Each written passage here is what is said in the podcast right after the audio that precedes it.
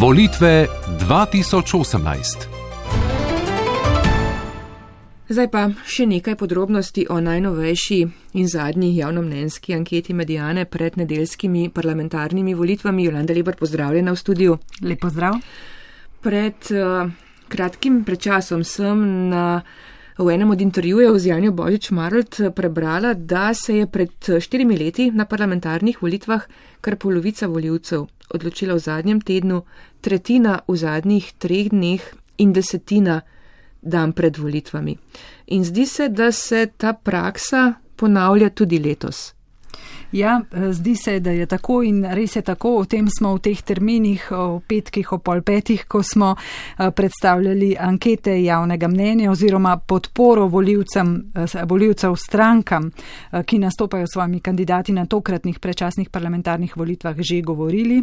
Tudi Janja Božič Marolt je pri nas na radiju o tem tudi že govorila, ja, da se voljivci odločijo celo po tistih zadnjih soočenih tik pred začetkom volivnega mavka nauka. Eno soočenje bo recimo že čez slabe pol ure na prvem programu Radia Slovenija, potem še zvečer na televizijah, potem pa nastopi volivni mavk, voljivci imajo mir in nekateri se odločijo recimo že v soboto ali pa v nedeljo, preden gredo na volišče, nekateri pa celo takrat, ko imajo pred seboj glaso, uh, glasovnico.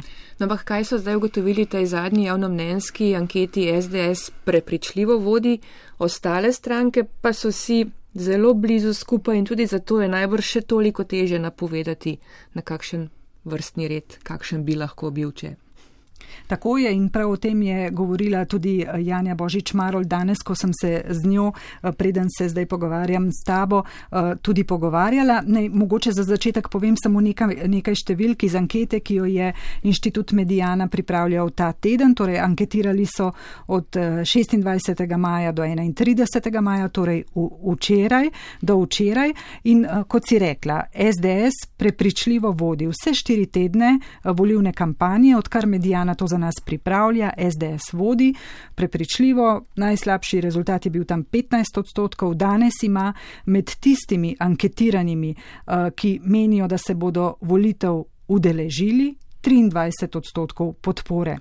Na drugem mestu je prav tako vse skozi lista Marjana Šarca, le da je za razliko od SDS ta lista vse skozi malo izgubljala in je zdaj pristala pri 9,2 odstotka. Levica, bom rekla, presenečenje ali pa preobrat tega tedna. Prvič na tretjem mestu, 7,1 odstotka, na tretjem mestu so se doslej izmenjavali ali SD ali pa strank, eh, stranka modernega centra, torej SMC. Tokrat je situacija drugačna, na tretjem mestu tole Levica, SD in SMC pa s popolnoma enakim rezultatom, 6,8 odstotka. Potem pa še tiste stranke, ki imajo med voljivci več kot 4 odstotno podporo. Torej, če začnem zadnjega konca, SNS, Slovenska nacionalna stranka, na tanko 4 odstotke, torej ta bi se vrnila v parlament, potem Desus 4,1, stranka Alenke Bratušek 4,9, NSI 5,5. No in uh, takšni so rezultati tega tedna. Kot sem rekla, sem se uh, predtem pogovarjala že z Janjo Božič Marold in predlagam, da poslušajmo, kaj ona pravi o tem, kar so izmerili ta teden. Rezultati tega tedna so odraz eh, dejanskega stanja. Velikih sprememb nismo zabeležili na samem vrhu.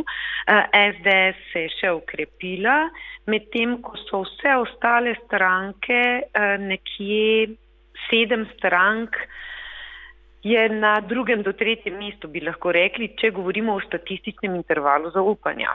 Toliko o metodologiji in statistiki. Še bolj pomembno pa je, da ne moremo predvideti ravnanja in obnašanja voljivcev na volilno nedeljo.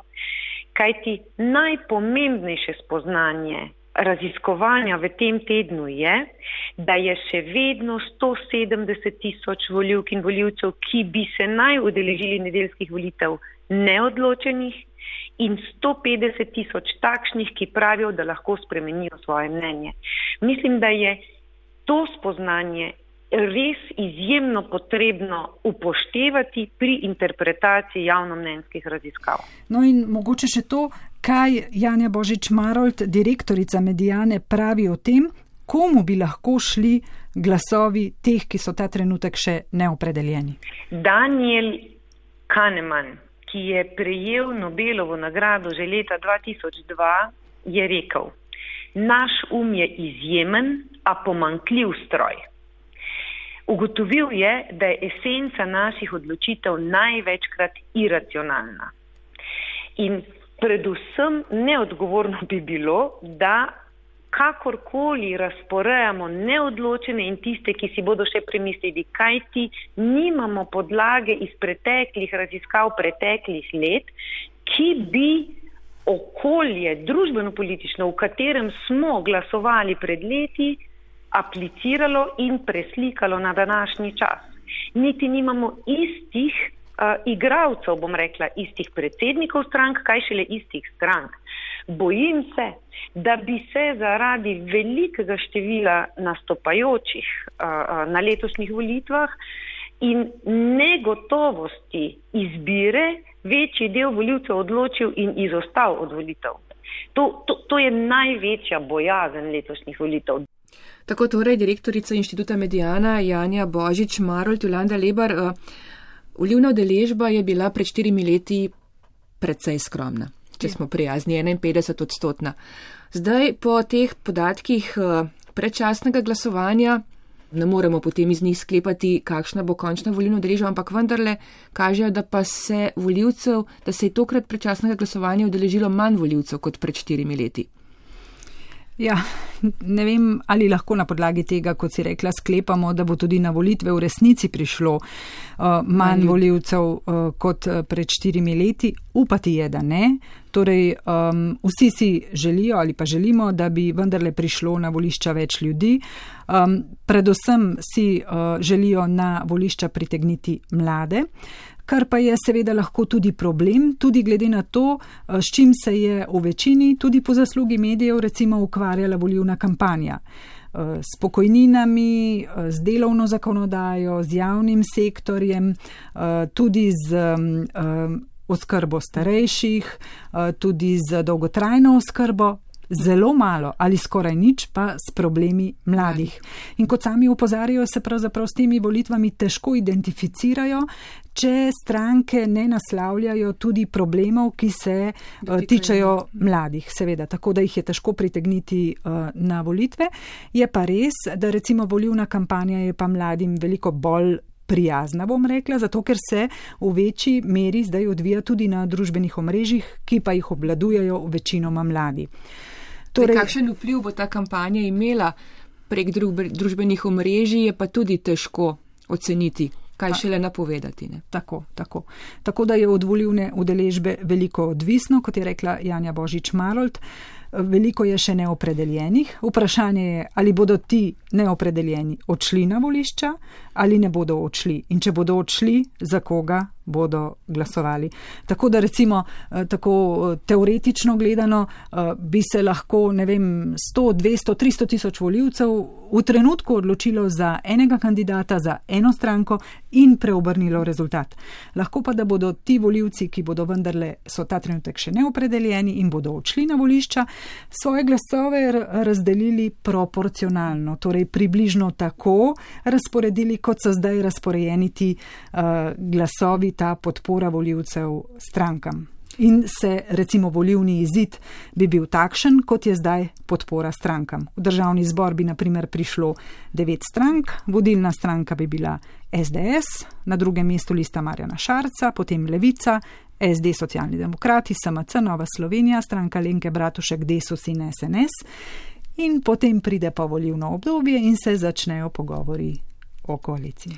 Skratka, zanimivo bo, Jolanda Lebar, hvala lepa za pogovor.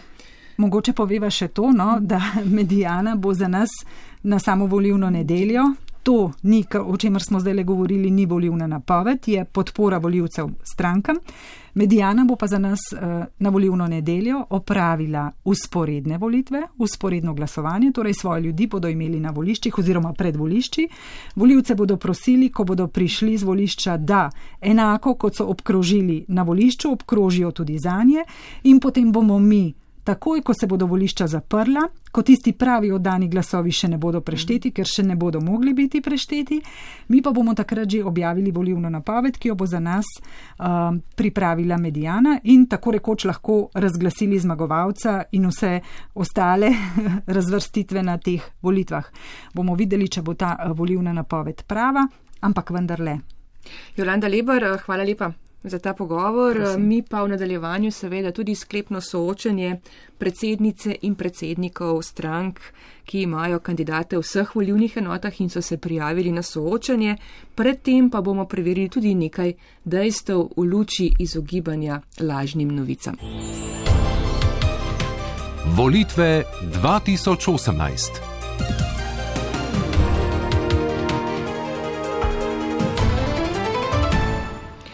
Ja, tako še zadnjič pred volitvami preverjamo tudi izjave politikov, parlamentarnih in neparlamentarnih, izrečenih na volilnih soočenjih.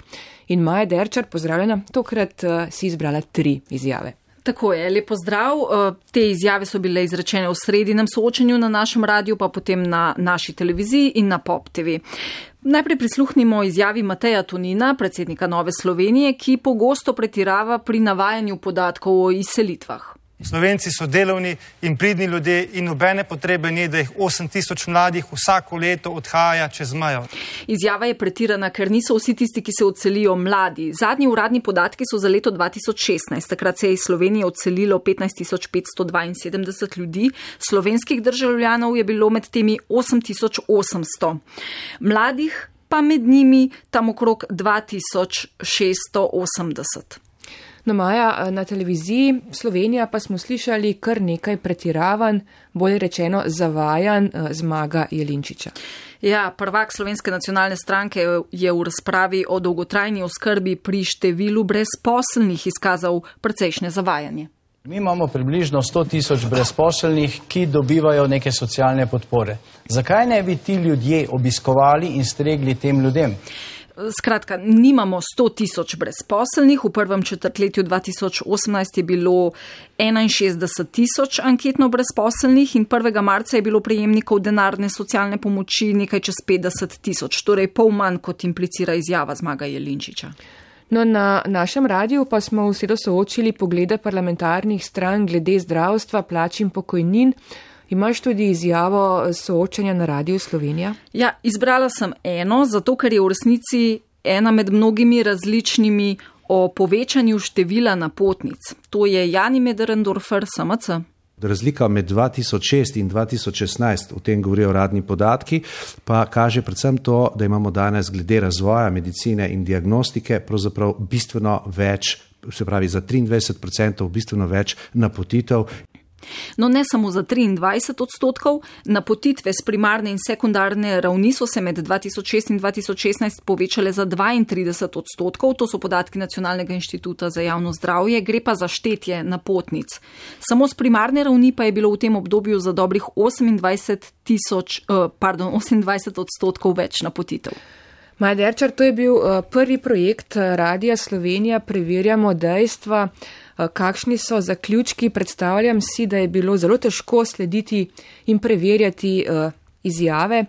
Kot je zapisal Boris Vezjak, filozof na svojem blogu, so namreč izjave v daleč največ primerjih, morda več kot 90 odstotkih primerov, dejal takšne narave, da jim preverjanje dejstev ne pride do živega, ker so preveč manipulativne. Kakšne so tvoje izkušnje?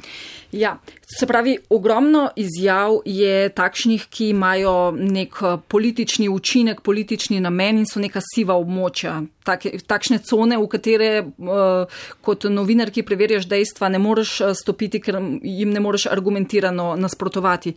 So težko pre, preverljive, uh, manipulativne z vidika uh, političnega konteksta. To so izjave izjave, ki zahtevajo raziskovalno novinarstvo, da bi človek preveril, kdo je kaj v resnici e, nekoč v zgodovini rekel, storil, od koga vzel denar za financiranje kampanje.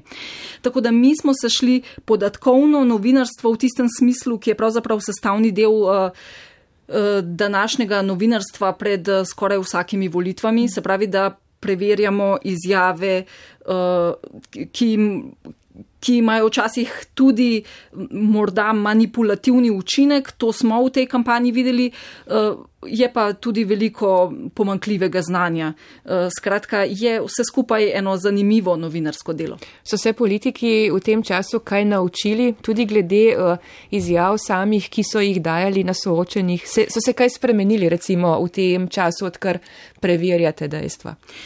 Prepričana sem, da če bi to počeli še en mesec in če bi bila volilna kampanja uh, podaljšana, bi počasi naleteli na vedno ene in iste politike, uh, ki jim ni mar za preverjanje dejstev in uh, hočejo samo doseči svoj učinek. Uh, Tako da ta imena politikov bi se počasi začela v, v takšnih rubrikah, odajah ponavljati. E, sicer pa ja, recimo radijsko soočenje v to sredo, ki je bilo namenjeno temi socialnega varstva, pokojninam, e, zdravstvu. Eh, je bila zelo strokovno zastavljena debata. Se pravi, v studio so prišli tisti predstavniki strank, ki se na ta področja spoznajo in moram reči, da jih je bilo zelo težko prijeti za besedo oziroma vse, kar sem preverila, je bilo na meji kvečemu nenatančnosti, ne pa zavajanja.